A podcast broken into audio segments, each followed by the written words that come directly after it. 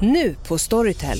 Försvarsadvokaten Lydia Levander får chansen att lösa sitt största fall genom att försvara en misstänkt mördare. Hur långt är hon och kollegorna på advokatbyrån Pegasus beredda att gå? Fallet Mikaela. En ny deckare från succéförfattaren Anna Bågstam. Lyssna nu på Storytel.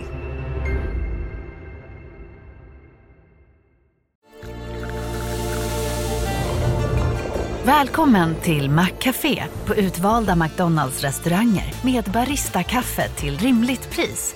Vad sägs om en latte eller cappuccino för bara 35 kronor? Alltid gjorda av våra utbildade baristor. Hej Sverige! Apoteket finns här för dig och alla du tycker om. Nu hittar du extra bra pris på massor av produkter hos oss. Allt för att du ska må bra. Välkommen till oss på Apoteket.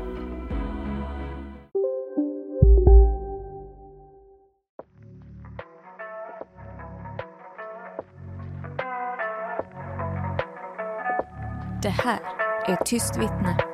En podd om mord och försvinnanden.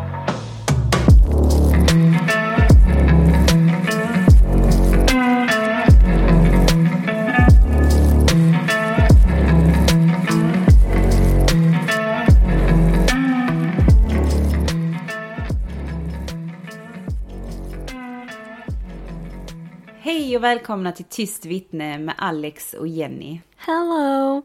Hej allihopa, hoppas ni har det bra där ute och att ni är redo för ytterligare ett avsnitt. Av hemskheter. Ja, det är ju hemskheter Ja. som vi har framför oss. Ja. Tyvärr. Men det är ju viktiga grejer att ta upp. Det finns ju en anledning till varför vi tar upp varje fall vi tar upp. Japp. Och även så med dagens fall. Men innan vi går in på själva fallet så tänkte jag att vi skulle bara kolla av läget. Hur är det med er där ute? Nej, det var tyst, okej. Hur är det med dig Jenny? Jag är sjuk, äh, haft lite feber, äh, sovit jättemycket. Ja, that's it. Sa vi inte det förra gången också? Du hade sovit. Eller du, sa inte jag? vet du vad livet går ut på? Sova, shoppa, äta, sova, äta, shoppa. Skiner solen? Åh, jag går ut! That's Alltså, it. älskar ditt liv. Mitt liv går ut på att jobba, gråta, jobba, gråta lite till, jobba och så gråter vi igen. Ibland gråter på jobb. Ja, det händer.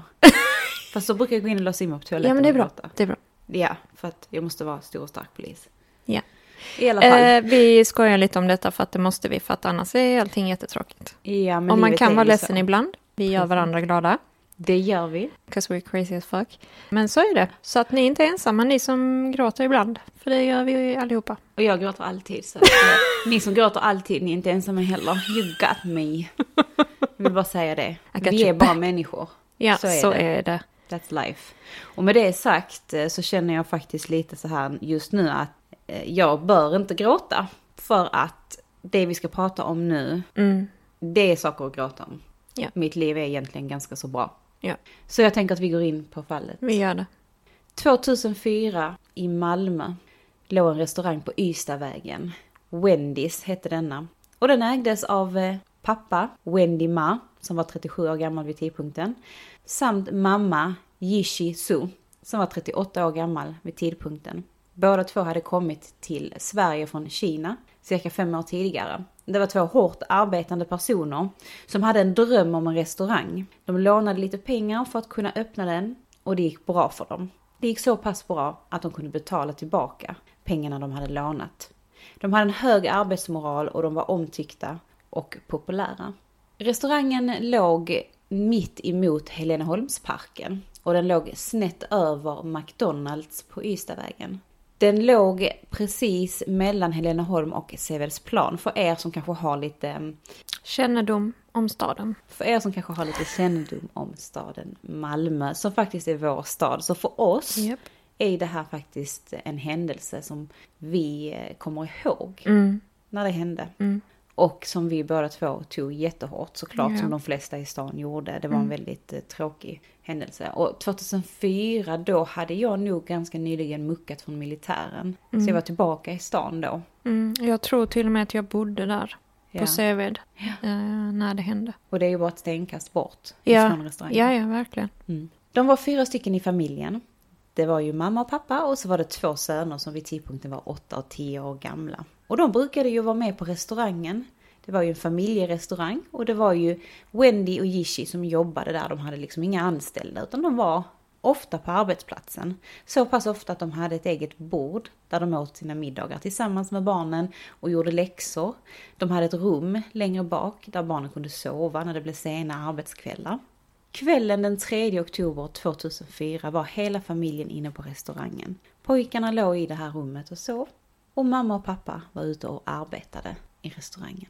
18-åriga Bunraud Pankit kallades även Bullen. Han hade ursprung från Thailand, bodde en tid i Svalöv i Skåne och gick nu på Holmens gymnasium i Malmö.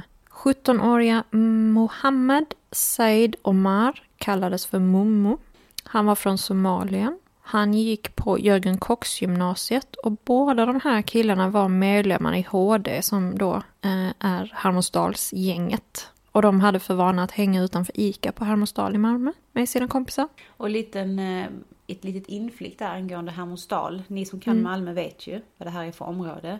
Men om man ska räkna de senaste åren så är det ju ett av de områdena, områdena där vi har haft flest dödsskjutningar. Själva gänget, Halmstadsgänget, sysslade med mopedstölder, väskryckningar, inbrott, snatteri. Kort tid innan eh, rånmordet på Wendys så hade de gjort inbrott på en grill på Eriksfältsgatan. Eh, och Momo och eh, Bullen var stammisar på den här kiosken. Men de slutade komma dit efter att kiosken utsatts för inbrottet och ägaren misstänkte därför att det var de två som var skyldiga till händelsen. Och när polisen senare då efter brottet på Wendys beslagtog Momos telefon så fanns det bilder på de två tjuvarna med stora leenden eh, och även foton på penningväskan och cigaretterna de kom över vid det här inbrottet i den här kiosken. Eh, vi lägger upp en bild på den här, eh, det foto som de hittade. Ja, och det är ganska otroligt att man väljer att dokumentera sitt eget brott. Ja, det är ju återkommande dumhet. Ja, hos de är vissa. inte de första som sagt som gör det. Det är unga människor det här och eh, det, av någon anledning så vill man ju dokumentera det som man har gjort. För Ja. man av någon anledning är stolt över det. Och de är inte ensamma om det, det är många som gör det och jag har sett det innan. Stefan Fu, Fu Tu och Kim Ngo var också med i HD och var aktuella i detta fallet som vi pratar om på Wendys. Stefan var spelberoende och brukade spela på maskinerna på Wendys. Och Wendy kände till de här tre killarna och har i efterhand sagt att de alltid var trevliga och han gillade dem. Så de brukade vara tillsammans, kanske käka, spela på maskinerna och det var därför Wendy då visste vem de var. Och bara för att eh, göra det lite enklare för er som lyssnar, för vi vet ju detta, men Wendy är ju ägaren. Ja, Restaurangen heter Wendys. ja. Och Jishi är hans fru. Ja, bara en liten recap. Rånet var planerat att ske flera dagar innan eh, det faktiskt skedde, men killarna hade fegat ur av olika anledningar. Och de här anledningarna var att den ena fick utegångsförbud, den andra skulle till sin farmor. Eh, så Ja, det visar ju hur unga de här människorna är. ja, Med tanke på vad deras anledningar till att ställa in det här grova brottet är. exakt. Och de var fem stycken. Det var alltså Stefan Fu och Kim som först då skulle gå in på restaurangen, sitta vid spelmaskinerna och hålla vakt. Och att de skulle ringa till Momo och Bulle när det var dags för dem att ta sig in på restaurangen och gömma sig på toaletten. Precis, för att eh, vad heter det, ägarna där skulle ju inte se när de smet in på Nej, toaletterna. så det var ju därför de skulle ringa dem. Precis. Och det fanns då även en sjätte kille som då agerade chaufför. Så han skjutsade dem till Aurahallen som ligger bakom Heleneholmsparken. Och därifrån så gick då killarna resten av vägen till parken. Och chauffören väntade på parkeringen under brottet. Och det är ju ingen längre sträcka. Så Nej, det är det är fem minuter kanske. Ja. Promenad. Så lönehelg 3 oktober 2004. De tre killarna gick in på Wendys, satte sig vid maskinerna. Momo och Bullen väntade på andra sidan gatan och kunde se när tillfället kom för att smita in på toaletten obemärkta. Och nu är klockan då strax efter ett på natten. De tre killarna hade lämnat restaurangen som de sista gästerna. Och då hade ju Momo och Bullen smitit in på toaletten. Ja, de hade fått det samtalet redan där. Ja, precis. Ja, och de, de kunde går. även se från andra sidan gatan att eh, Wendy och Jishi då inte var i restaurangen. och Ja. kunde smita in. Så det var liksom, de hade fått samtalet men de kunde även se att det var dags att, att smita in. Så de var gömda på toaletten. Killarna, de andra tre, stod på andra sidan gatan i parken och ringde in till killarna på toaletten och sa att nu låser de. De stänger så att det är snart dags. Wendy och hans fru Jishi brukade stänga och gå hem efter att de sista gästerna hade lämnat restaurangen. Men denna kvällen var det annorlunda för att Wendy skulle jobba själv dagen efter och då var det ju en söndag. Och då tyckte de att vi kan städa undan snabbt tillsammans så slipper du göra det imorgon. Så hon tog fram dammsugaren och började städa medan Wendy låste dörrarna och gick in för att kontrollera att ingen gäst hade somnat på toaletten för att det hade ju hänt någon gång tidigare som det säkert hände på många restauranger och klubbar till och med. Vid det här tillfället då sover ju pojkarna i ett rum. I det här Ja. rummet där inne. Precis. Deras två söner då som är 8-10 och de ligger och sover. Den ena dörren till toaletten var låst. Och Wendy försökte öppna den med en matkniv. Ni vet, man, i den här skruven på låset så kan man sätta en kniv och vrida så att eh, dörren öppnas. Men bullen på andra sidan dörren står och håller emot. Så det går inte öppna. Och så går Wendy och hämtar en skruvmejsel istället. Och vrider på låset utifrån. Och så drar han kraftigt i dörren. Och då kan inte bullen hålla emot längre utan dörren öppnas. Och Wendy möts då av två personer med masker som täckte deras ansikten. Den ena hade en grismask och den andra hade en dödskallemask. Killarna sprayade pepparspray i Wendys ansikte och planen var att de skulle dra in Wendy på toaletten och binda honom där inne. Men han slet sig loss och sprang mot bardisken där han hade då ett järnrör som han hade gömt för att kunna försvara sig tid då de tidigare hade haft eh, inbrottsförsök på restaurangen. Så han tänkte då att jag springer och hämtar järnröret och slår, försvarar mig mot eh, gärningsmännen. Jishi som stod och dammsög såg sin man komma springande med en ung man efter sig och skrek till honom att han måste ringa polisen. Hon vevade dammsugarröret för att försvara sig mot anfallet. Och bullen som sprungit efter Wendy kom nu fram till Jishi och högg henne i låret med en kniv. Enligt uppgifter finns det två versioner av vad som hände härnäst. Bullen hade fortfarande pepparsprayen på sig och när han skulle spraya Jishi råkade han spraya Momo som nu hade hunnit fram till dem i Momos ansikte. Den andra versionen är att Jishi slog Momo med dammsugröret över näsan så att han började blöda. Och därefter då drog han snabbt av sig, som en reflex, sin grismask för att klia sig i ögonen eller då torka blodet. Och då fattar han att han har visat sitt ansikte. Momo sliter fram en kniv och börjar hugga Jishi i bröstet om och om igen. Jishi blev huggen ytterligare sex gånger och hon faller ihop på golvet. Wendy hör fruns skräckslagna skrik och känner att de måste få hjälp nu. Så han springer mot utgången för att komma ut på gatan. Men Bullen hinner ikapp och hugger honom i hans ögon. Vänster öga fick ett knivhugg som var 6 cm djup. Höger öga fick ett hugg som var 4,5 cm djupt. Skelettet bakom ögonen tog skada av sticken. De var så, de var så um kraftfulla, de här huggen. Så att det gick rakt in i skelettet bakom ögonen. Japp. Han skriker och tar sig ut på gatan. Och vid det här laget har ju grannar hört Wendys skrik och ringt polisen. Rånarna letar samtidigt frenetiskt i lådor, hyllor och var de än kan leta för att hitta pengar. Och enligt dem så har de senare sagt att de inte fick med sig några pengar alls. Det fanns dock 6 570 kronor i inkomst denna dagen. 8 193 kronor från spelmaskinerna som Wendy hade tömt. 30 000 kronor i växelkassan fanns också. Efter rånet fanns 26 000 kronor kvar och 23 000 kronor var alltså borta. Förövarna försvann in i parken på andra sidan gatan. De tre andra killarna hade ju sett att allt har gått fel när de stod i parken på andra sidan gatan. De började springa då precis innan Bullen och Momo flydde. Stefan sprang åt ett håll och när han var på Munkhättegatan blev han stoppad av en piketbuss. Han blev legitimerad och de frågade då var han hade varit under kvällen. Och Stefan sa att han hade varit på ett internetcafé och det fanns ingen som tydde på att han skulle varit inblandad i rånmordet och misshandeln. Så han fick då röra sig vidare från platsen. Och egentligen viktigt att påpeka här det är ju att när polisen stoppar en person på väg fram till en händelse så kan det ju vara så att de får känslan av att han verkar inte stressad eller det finns ingenting som tyder på att han är inblandad i någonting. Mm. Men eftersom han, de tar hans ID-uppgifter så är det ju fortfarande så att då har man ju på något vis satt honom på den platsen, den tiden, den dagen. Så att i efterhand är det ju bra uppgifter att ha. Så att det är ju liksom inte helt förlorat att man låter honom gå utan man, har, ju, man har ju legitimerat honom på den platsen, den tiden. Ja, och de har ju fått en slags vibb av honom. Ni har ju en sån radar som känner att vi kollar nog den här snubben eller Det kvinnan eller vad det här, nu kan vara. beep, beep. Nej jag skojar. Oh, jag, ska, ja, precis. jag ska inte skoja i... Nej.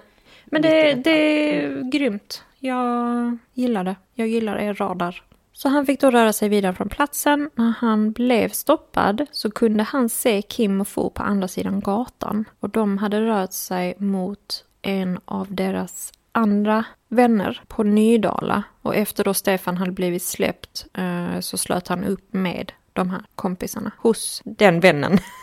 Som inte var inblandad. Som inte var inblandad men som bodde på Nydala. Exakt. Och de stannade hos den här vännen till klockan sju på morgonen. Bullen och Momo sprang genom Heleneholmsparken och vidare till Aurahallens parkering där chauffören väntade i bilen. De fick skjuts till Hermodsdalstorget och Bullen bodde på Professorsgatan och de tog sig ner i tvättstugan där Bullen tvättade av sig blodet, bytte om och gömde kläderna i ett elskåp och hans plan var att han skulle göra sig av med dem på måndagen. Och eftersom då allt hade gått så himla snabbt på restaurangen så redogjorde de för varandra vad som hade skett under rånet. Och de hade kraftig ångest över det som hade hänt då de fattade att de hade dödat Jishi. Ja, att risken att hon var död var ju ganska överhängande med tanke på att de hade huggit henne så många gånger. Precis. Den första polispatrullen på plats på Wendys var framme klockan 01.24 och där mötte de ambulanspersonalen som var framme strax innan. Wendy då, som hade blivit huggen i sina ögon, han låg på en bänk utanför restaurangen, blodig och i stora smärtor. Dörrarna till restaurangen var låsta och Wendy hade inte fått några nycklar med sig ut. Han lyckades trots alla sina smärtor berätta att hans fru fanns där inne, skadad, och att eh, han hade sina två barn inne i restaurangen också. Så poliserna på platsen där, den ena kvinnliga polisen såg också Wendys kropp där inne. Så de slog sönder ett fönster helt enkelt och tog sig in. Men det var för sent, för Yishi hade redan avlidit. De hittade däremot barnen, yrvakna och rädda i ett av eh, bakrummen där. Och de hade troligtvis sovit sig igenom en del av händelserna. Så samma kväll då som det här eh, hemska brottet hade skett så lyckades man inte fånga in gärningsmännen. Utan utredarna hade sedan i efterhand tagit kontakt med tidningarna och man hade skrivit en tidningsartikel där man sökte efter de tre unga killarna som var sist inne på restaurangen på Wendys och som lämnade innan stängning. Och efter att den här artikeln hade kommit ut så anmälde sig Stefan, Kim och Fu frivilligt till polisen redan på måndagen efter. Och de kom då tillsammans med sina föräldrar till stationen. Där kunde polisen hålla förhör med dem och även ta in deras telefoner för att gå igenom telefontrafiken. Under de här förhören så erkände inte någon av de tre killarna något särskilt. Även om utredarna kunde känna på sig att någonting inte stämde med deras versioner av kvällens händelser. Samt då att man via telefontrafiken kunde se att de hade ringt till två andra telefoner som varit inne på Wendys restaurang samma kväll. Efter det här så inkom ett tips från en anonym person som berättade att den som hade utfört det här brottet kallades för Bullen och att han hade genomfört det här mordet tillsammans med en svart person. Och Bullen skulle då vara en person som skulle ha gått på Hamsdalsskolan och troligtvis i samma klass som någon av de här killarna Kim, Stefan och Fu. Så polisen kallade in de här tre killarna igen och la fram vad de hade. Och Kim och Fu berättade då vad de visste. De pekade även ut vem Bullen var, för det var fortfarande okänt för polisen. Man pekade ut honom i en skolkatalog och på så vis fick man reda på vem Bullen var och i senare skede även vem Mummo var. När man tog in de här båda killarna på förhör så var det Mummo som berättade att Bullen var den som hade planerat rånet. Han hade skaffat fram allt material som de behövde och att Mummo hade velat vara med men varit väldigt tydlig gentemot Bullen att han inte ville att det här paret skulle skadas på något vis. Eh, och anledningen till att han ville vara tydlig kring detta här att, gentemot polisen, det var att han ansåg att Bullen var störd, han var skadad, störig och kom på massor med dumma saker. Intressant här tycker ju då jag är att det faktiskt var mormor som utdelade sex knivhugg gentemot Jishi. Men så var fallet i alla fall. Och Bullen hördes ju också och han nekade till en början. Men efterhand som utredningen fortsatte och man höll fler förhör så berättade till slut även han vad som hade hänt. Och Bullen var ju den som hade knivhuggit Wendy i eh, ögonen. Han uppgav här att han hade knivhuggit Wendy i ena ögat eftersom han hade blivit träffad av ett järnrör från Wendy. Och här tänker jag ju också lite att det är ganska så intressant att man överhuvudtaget lyckas träffa en person i ett öga. Ansiktet överhuvudtaget. Ja. Och Alltså- sen två ögon. Ja. För grejen är ju den att Wendy försöker ju försvara sig här. Mm. Och han börjar hugga mot Wendy och träffar båda ögonen. Alltså ett öga Mm. och sen det andra ögat. Men han träffar ju inte Wendy någon annanstans på kroppen. Nej. Utan det är ju bara där och det är ju ganska så specifikt. Alltså att kunna träffa Ja. där. Jag vet inte om han i sin stress och ren dumhet tänkte att shit han har sett mig, han vet vem jag är. För även han hade tagit av sig sin mask. Båda de här killen, både Bullen och Mummo blev ju, tog av sig sina masker till slut ju för att det gick liksom, allting gick åt helvete helt Ja. enkelt. Så jag vet inte om han tänkte att åh shit han ser mig, jag måste hugga honom i ögonen så han inte kan se vem jag är. Ja. Utan att tänka på att han kan ju fortfarande Ja. återberätta. Ja, troligtvis så eh, enligt mig så har det ju varit så liksom. Så Ja, sen har jag inte själv knivhuggit någon så jag vet inte men det är ju liksom huvudet är ju inte den största delen på kroppen. Du kan du ju få... slå ut någon. Om du vill slå ut någon. Ja. Han vill ju stoppa honom Ja, från exakt. att... Ja.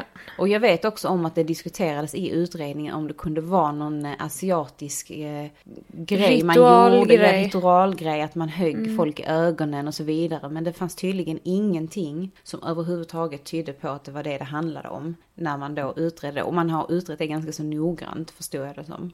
Men det är lite märkligt. Och sen lite där också samma sak med Mummo. Du vet, han högg Jishi sex gånger. Det är också så liksom, ja, han tog av sig masken och sen högg han henne. Frågan är liksom om det var samma sak där, panik, hon vet vem jag är, hon ser mig. Oavsett vad så är det ju gräsliga saker att göra. ja, det är väldigt många hugg. För att man tänker kanske själv då som någon som inte begår brott. Att om Ja. du är i en paniksituation och du bara får panik och hugger någon. Att du efter det första hugget bara fuck, vad hände? hände? Alltså gud, panik, Springer släpper den, springer. Men alltså återigen bara fortsätter. Ja. Det är tunga grejer alltså. Ja, det är det ju verkligen. Och Wendy då, han eh, fick ju operera bort sitt vänstra öga för det var ju så dåligt skick. Eh, Det hade ju som du berättade då, eh, kniven hade gått in där 6 centimeter ju så det fick de operera bort. Och det högra ögat fick han, kunde de eh, rädda. Däremot så hade han en väldigt begränsad syn och även begränsad rörlighet i ögat. Det blev ju ganska så illa skador för hon- hans del På där. höger sida av ansiktet överhuvudtaget. Ja. Och ögonlocket kan han inte röra heller särskilt bra. Ja, och som sagt under utredningens gång då så var det ju Mummo som berättade mest eh, under förhören. Och Bullen till en början som tidigare sagt ville inte riktigt medge överhuvudtaget att han hade varit där. Men även när han väl hade med, medgett att han hade varit där så ville han skylla ifrån sig ganska mycket på andra och, och minimera sin egen skuld i det hela. Ja, som sagt, alla fem personerna blev ju åtalade i Malmö tingsrätt. Och eh, den 15 mars 2005 kom domen. Bullen dömdes till fem år för försök till grovt rån samt misshandel på Wendy då. Och Momo dömdes för åtta år för mord och försök till grovt rån. Och de tre killarna då som hade hållit vakt utanför eh, dömdes var och en till vård inom socialtjänsten för försök till rån. Och de var ju alla under 18. Så det var ju därför det blev så. Och man sa också att eh, ja, den här, den här händelsen var så pass eh, hänsynslös och hemsk så hade det här varit personer över 21 år så hade de dömts till livstidsfängelse. Men det kan de alltså inte dömas till eftersom de är under 21. Domen överklagades i hovrätten av båda sidorna. Och där höll eh, hovrätten med tingsrätten kring eh, Momos dom på åtta år. Men man ändrade Bullens dom till nio år, för han dömdes även för mordet på Jishi. Och anledningen till att hovrätten hade gjort en sån förändring, det var ju att man ansåg att Bullen för det första var den som hade planerat dådet. Eh, och sett till att de hade alltså då skaffat in knivar. Han visste att eh, mormor Momo hade kniv, han hade själv kniv. Han högg Jishi i låret, han var villig att använda den här kniven. Och han borde ha insett att även Momo var eh, benägen till att använda kniven gentemot de här personerna. När Jishi väl hade blivit knivhuggen så stoppade Bullen Wendy från att hjälpa Jishi. Han fortsatte rånet trots Jishis skador och han gjorde ingenting för att hjälpa eller underlätta eh, situationen utan det var bara han själv det handlade om där. Så därför eh, dömdes han för mordet och ansågs vara delaktig helt enkelt. Momo och Bullens advokater försökte sedan få upp ärendet i högsta domstolen men den begäran avslogs. Så det blev ingenting med det. Utan eh, de fick avtjäna sina straff och med tanke på att detta var 2004 mm. så är båda två idag fria mm. män, mm. vuxna män. Och där kommer vi in på anledningen till att vi ville lyfta detta mm. fallet lite grann.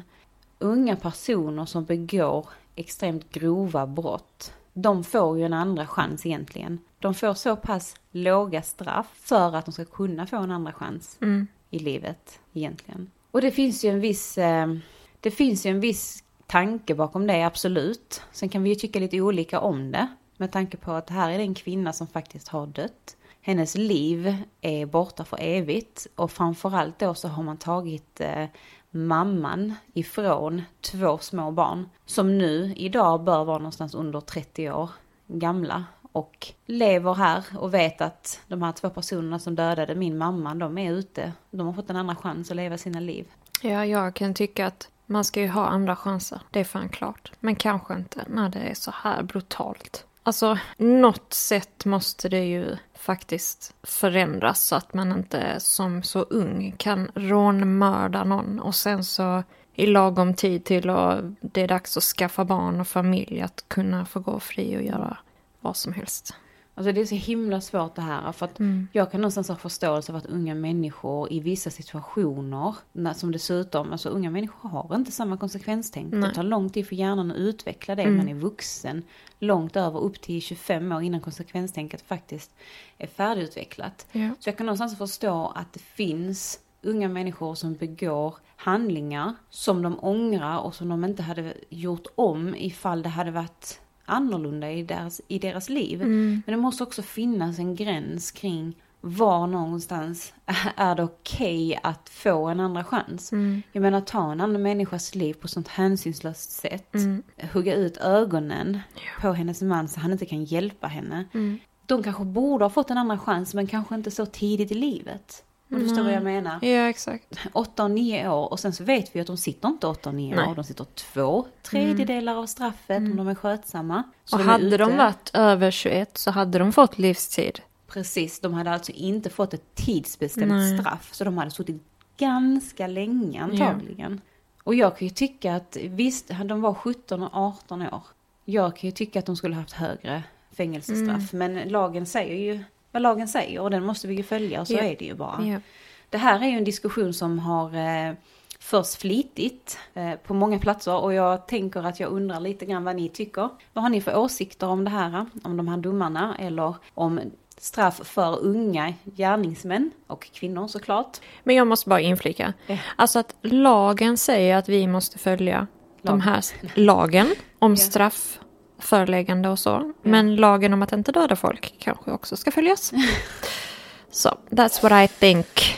Man kan få panik och man kan göra dumma saker i ren panik. Men, men varför, av, varför avbryter man inte? Mm. Du vet så här, hade jag varit i en situation där jag hade huggit en annan person. Jag hade fått, jag hade liksom bara typ blivit typ What the hell just happened? Ja, typ likgiltig. Jag vet inte, stannat upp och bara tänkt, åh gud vad har jag gjort? Mm, precis. Nej, nej, men vi vet vad vi hugger fem gånger till. Ja. Sen ser vi om vi får över några pengar och sen springer vi. Ja, sen, så att jag menar, det säger ju ganska mycket om deras eh, alltså syn på människovärde helt ja, enkelt. Ja. ja, vi kan bara hoppas att de inte har skadat någon annan nu i livet. Och att det går bra för uh, Wendy och hans två söner nu. Och Wendy han öppnade faktiskt upp restaurangen igen Ja. efter det här. Med en kollega. Mm. Så de höll den drivande ett, ett litet tag till. Ja. Men han råkade ut för ytterligare en misshandel sen ju. Ja. När han försökte hjälpa, stoppa eh, dem från att misshandla en annan pojke. Mm. Och då blev han misshandlad. Mm. Eh, Och strax efter det så har han också de stängt restaurangen. Oklart egentligen varför restaurangen stängdes. Eh, Men den eh, finns inte längre. Nej. Och som jag minns det som på den tiden så Mm. var det ju tomt ganska länge i de lokalerna. Mm. Och sen öppnade där någon restaurang som stängde igen och så var det tomt ett tag till och, Mm. och så. Men nu idag är där en restaurang som Mm. har en verksamhet. Mm. Eh, Och jag brukar titta in där och där är folk där Mm. dagligen. Ja. Och jag tog faktiskt lite foton Ja. igår när jag körde förbi. Vi kommer lägga upp det på sociala medier. Så man Ja. kan se hur det ser ut i närområdet där. Precis, så gå in på Tyst podd på Instagram och på Facebook. Följ oss där, lämna åsikter om det här ärendet och titta på bilderna. Och lämna gärna fem stjärnor där ni lyssnar på den här podden om ni anser att vi är bra, vilket vi Gör det. Just do it. Just let it happen.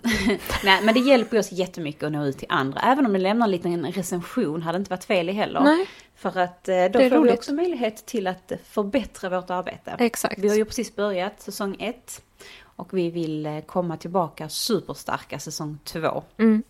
Och nästa vecka är det faktiskt säsongavslutning. Vi Ja. ska ha lite semester i sommar. Eh, pausen blir inte så lång. Ja, det var bara det jag ville säga. Ja, det blir ingen lång paus. Nej. Utan vi är tillbaka ganska så fort igen, så håll utkik efter oss. Ja. Men som sagt, missa inte nästa veckas avsnitt som är avslutning. Oh, that's a crazy one. Den kommer, ja. Ja, Men vi tackar för oss. det gör vi. ha det så bra. Ta hand om er. Toodles. Toodles. Och jag åker utan bälte. Oh my god! Jag tog på mig bältet. Did I say? Nej, vilket pling? I don't know what you're talking about. Mm, hating, patrolling, get me wide and dirty, get me bad and dirty. Move Kitty! Spring inte! Åh, den sprang rakt över vägen, den är helt... Nej, jag vill, nej, jag vill inte ha katter. Jag, jag har nog.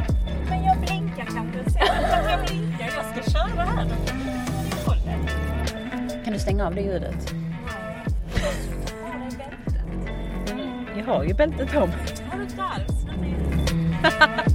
Du trodde alltså på fullt allvar att du skulle in där? Nej, jag trodde det var en gång där. Där. Den? En och en halv, en och en halv meter bred och du...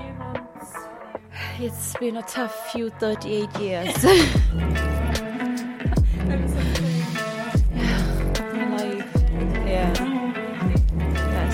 Soon to be 39. Yeah. And shit is still raining on me.